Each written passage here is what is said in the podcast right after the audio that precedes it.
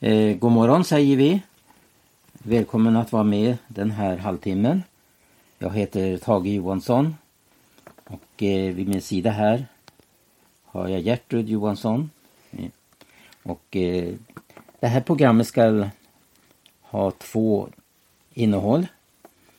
Eh, först ska vi fortsätta som vi har gjort tidigare några tisdagar att läsa ur den här boken eh, På ordets grund som eh, är en samling eh, korta bibelstudier som har kommit ut i bokform.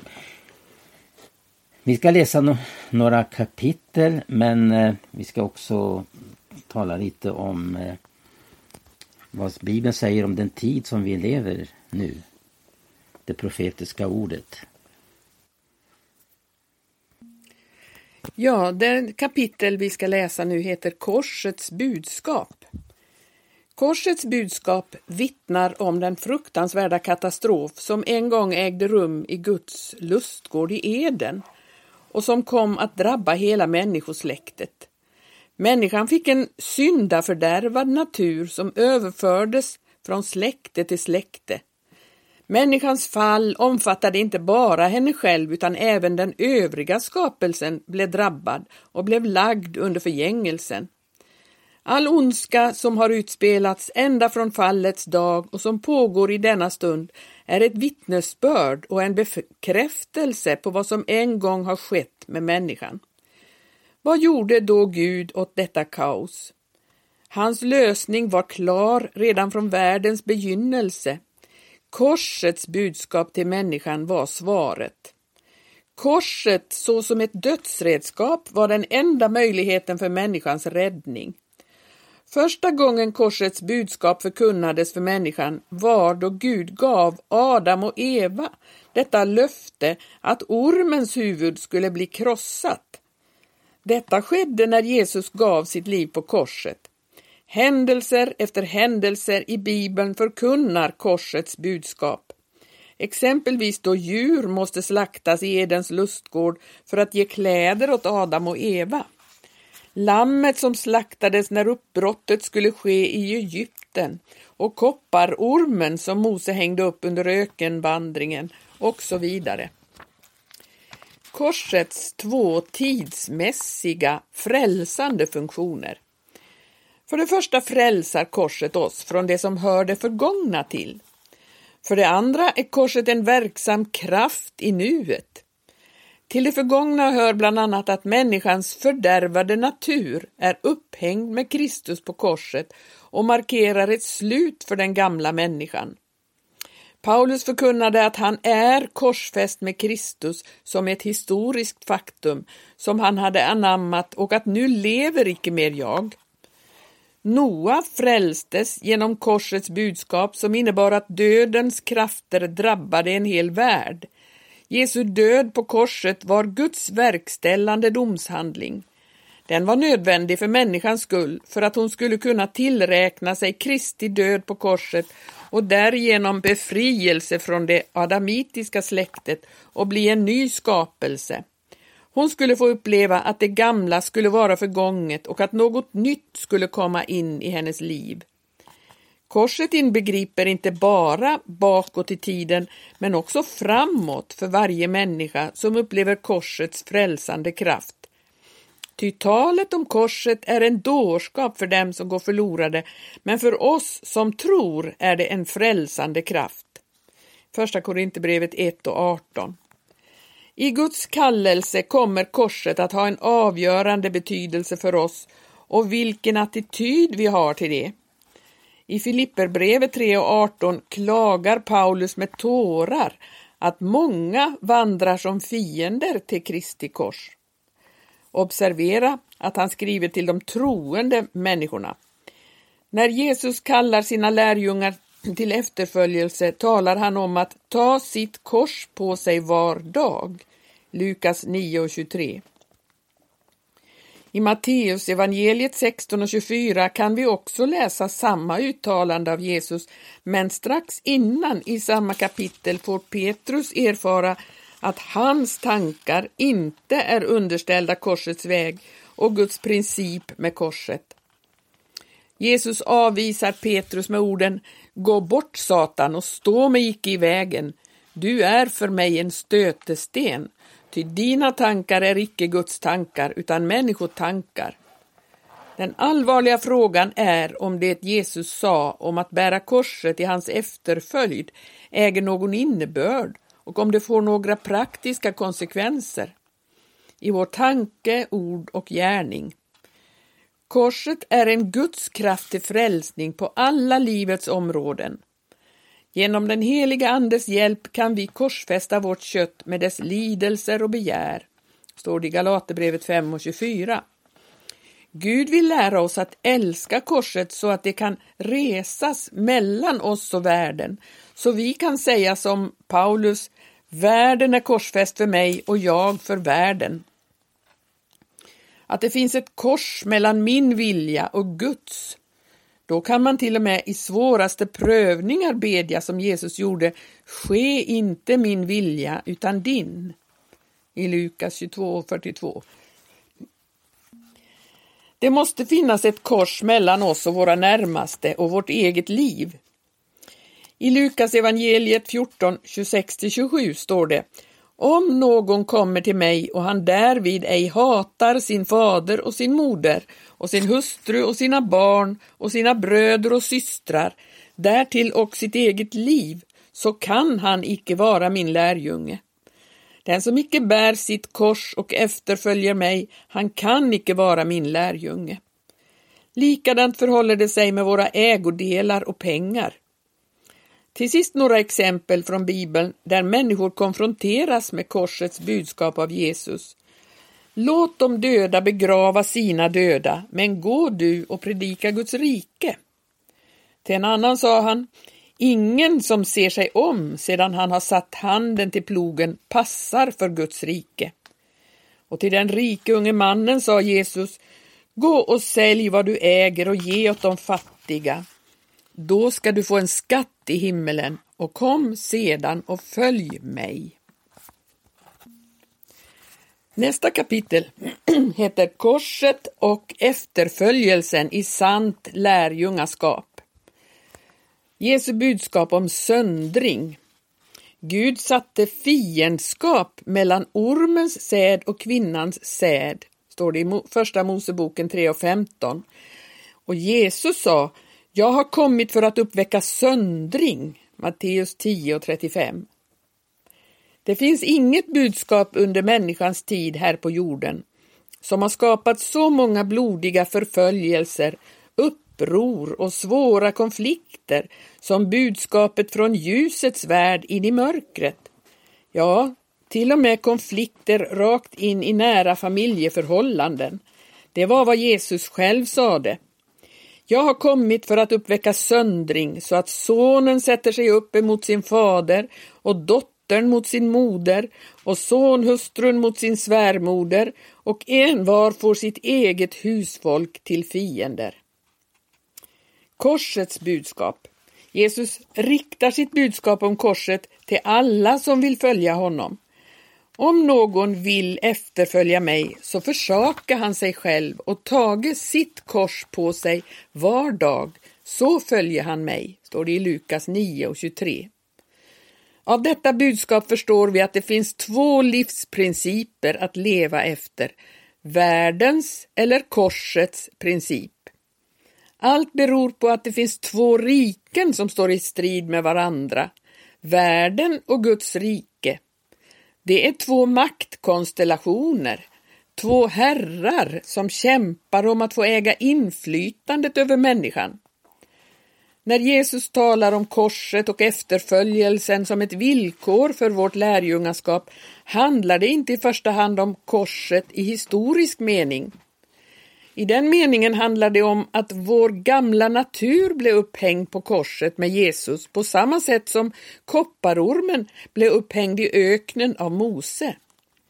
Allt som tillhör den gamla skapelsen blev omintetgjort på korset genom Jesus ställföreträdande, lidande och död. Ja, i sanning är ormens huvud krossat. Men korset har också en annan sida. Där ska korset vara en daglig erfarenhet i våra liv i efterföljelsen. att försaka sig själv och taga sitt kors på sig var dag.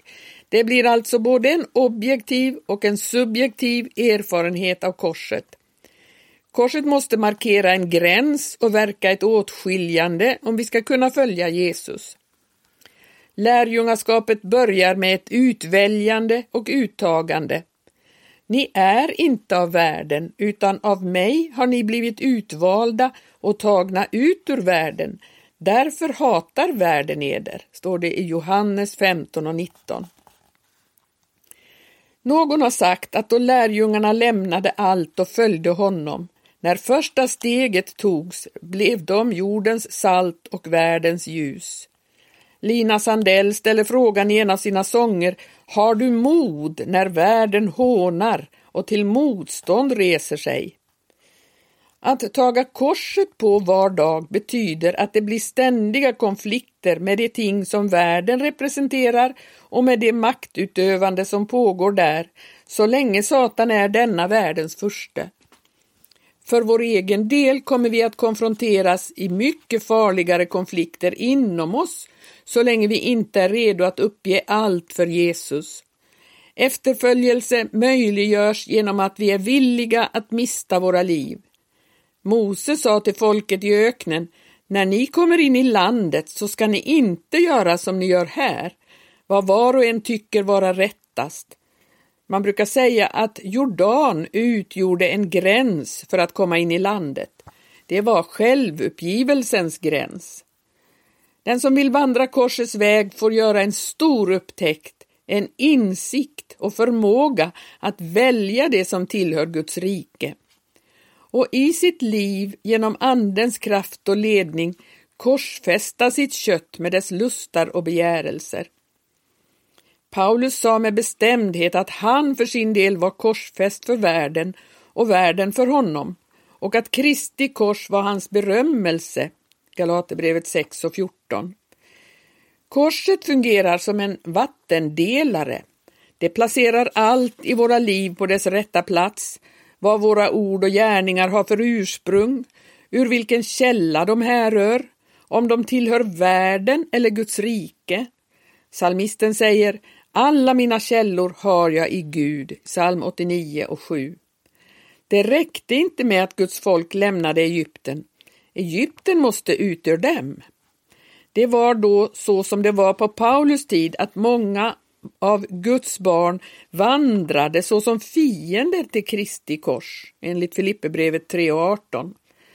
Om Guds rike ska få uppenbara sin kraft i våra liv så måste allt vad delad håg heter möta korsdöden. Josua sa, utvälj idag vem ni vill tjäna i Josua 24 och 15. Jesus sa att ingen kan tjäna två herrar, Matteus 6 och 24.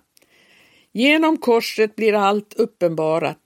Svaret från Gud till Josua när han ligger med sitt ansikte mot jorden framför Herrens ark var enkelt. Ni ska inte kunna stå emot era fiender förrän ni har avskilt det tillspillogivna från eder.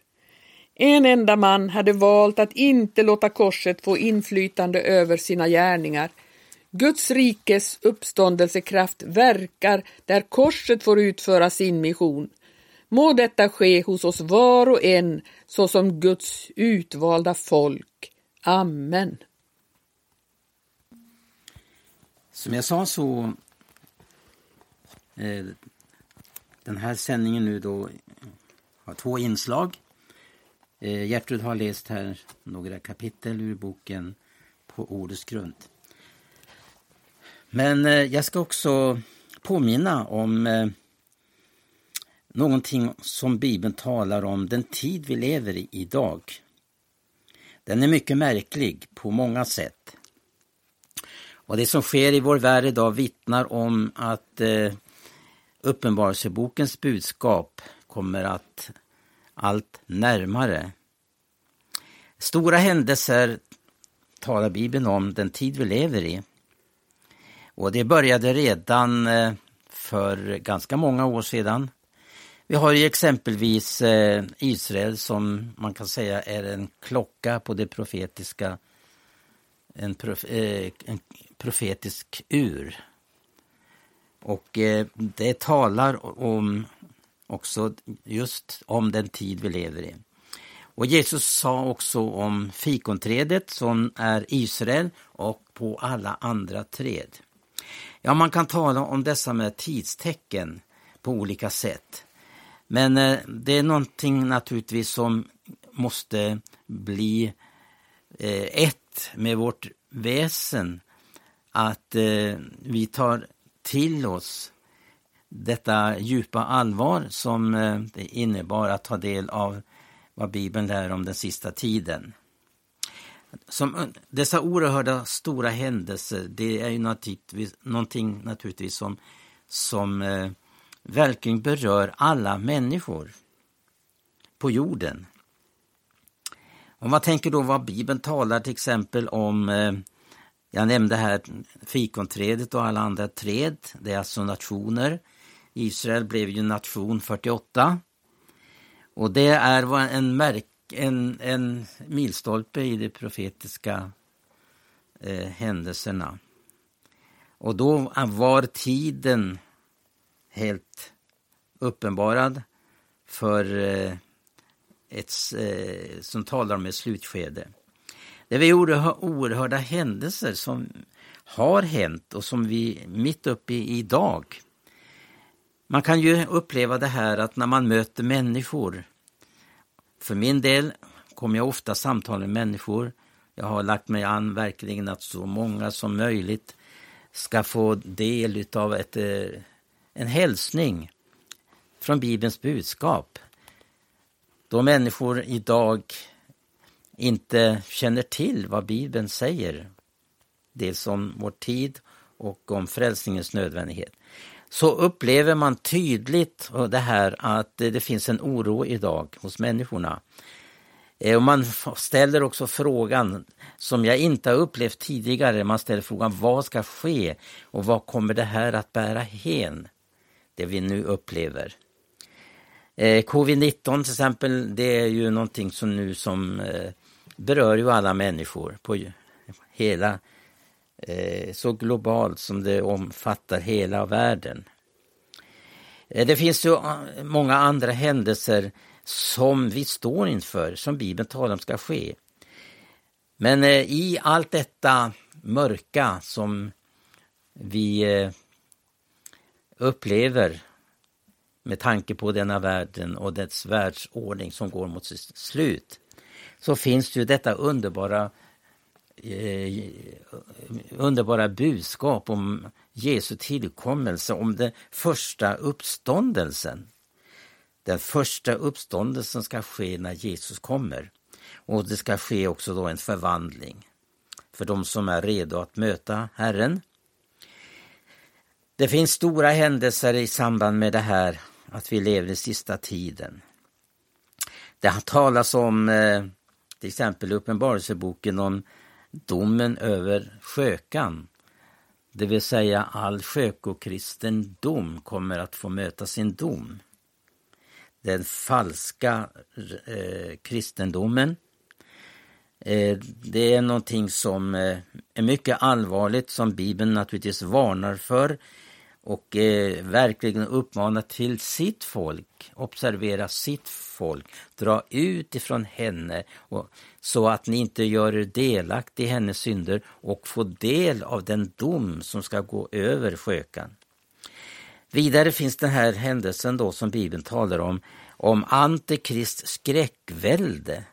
Och där det också innebär att det kommer att ske, det är att eh, det kvarlämnade om man ska bekänna Jesus innebär att man blir med i den här martyrskaran under denna eh, tid som Bibeln kallar för vedermödans tid. Bibeln talar vidare om Gogs eh, härnadståg och undergång. Eh, ja, det Bibeln talar om det stora eh, eh, herrarståg, härnadståg, heter det Eh, eh, som ska ske emot Israel. En uppmarsch utan dess like som världen aldrig har sett. Jag vet inte om man kan eh, som man har eh, och säger när man har forskat i de här eskatologiska tingen att man räknar med att det kommer vara en armé på 200 miljoner. Men eh, det är inte väsentligt vad, vad det handlar om i frågan om siffra. Men det är en stor uppmarsch i alla fall, där många länder är med.